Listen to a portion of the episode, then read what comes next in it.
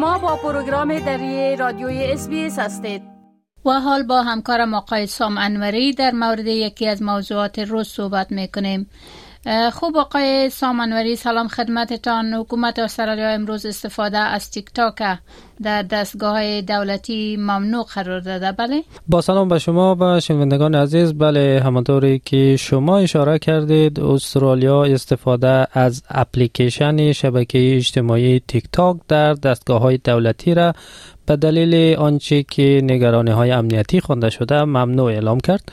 مارک دریفس دادستان یا سرانوال کل استرالیا امروز شنبه چهار اپریل با صدور بیانیه ای تصمیم حکومت فدرال را تایید کرد.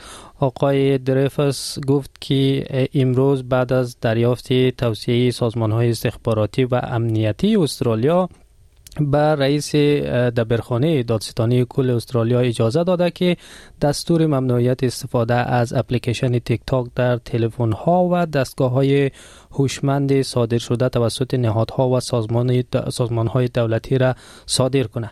آقای درفس گفت که این دستور در سریعترین زمان ممکن اجرایی خواهد شد و البته حکومت می تواند در موارد خاص در این تصمیم خود استثناء قائل شود. اما شرکت تیک تاک ادعاهای مبنی بر اشتراک گذاری داده های کاربران خود با دولت چین را رد کرده و گفته که هیچ تهدید امنیت ملی از طریق شبکه وجود نداره. با وجود ای تیک تاک قبلا اذعان کرده بود که دولت چین اگر بخواهد می تواند که به اطلاعات کاربران استرالیایی شبکه دسترسی پیدا کنه چون که این شبکه تابع قوانین اطلاعاتی رژیم کمونیستی چین می باشه خب کشورهای دیگه هم قبلا تیک تاک ممنوع قرار داده بودن بله؟ بله در واقع از جمع کشورهای عضو اتحادیه اطلاعاتی موسوم به Five Eyes یا پنج چشم استرالیا آخرین کشور است که اقدام به ممنوعیت تیک تاک در دستگاه های هوشمند مربوط به دولت کرده. چهار عضو دیگر این اتحادیه که ایالات متحده ایالات متحده امریکا کانادا بریتانیا و نیوزیلند باشند.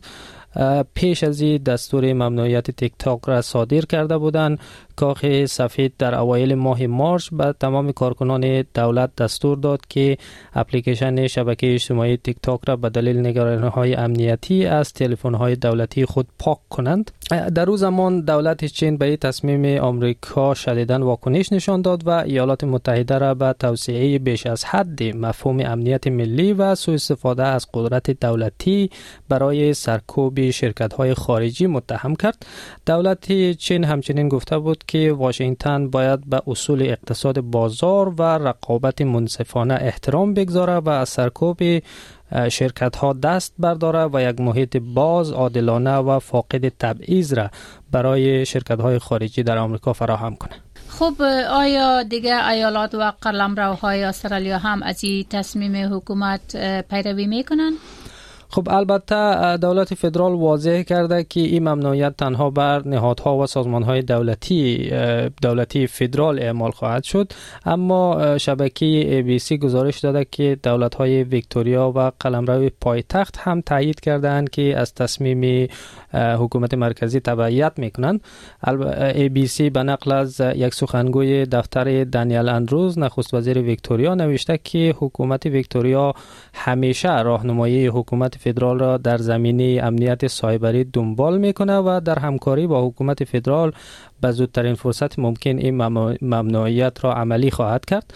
یک سخنگوی حکومت قلمرو پایتخت هم به سی گفته که مطابق توصیه حکومت مرکزی و مطلوبیت ثبات در امنیت سایبری ملی حکومت قلمرو پایتخت فردا در جلسه مدیریت امنیتی و اضطراری کابینه محدودیت های مشابه را برای دستگاه های دولتی در نظر خواهد گرفت.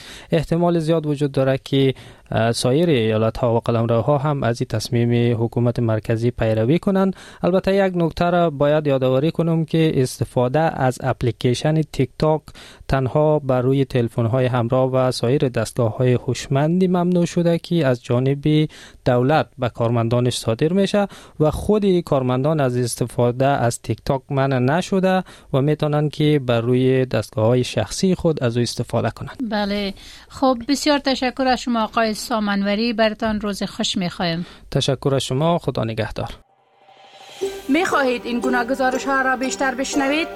با این گزارشات از طریق Apple Podcast، Google Podcast، Spotify و یا هر جایی که پادکاستتان را می گیرید گوش دهید.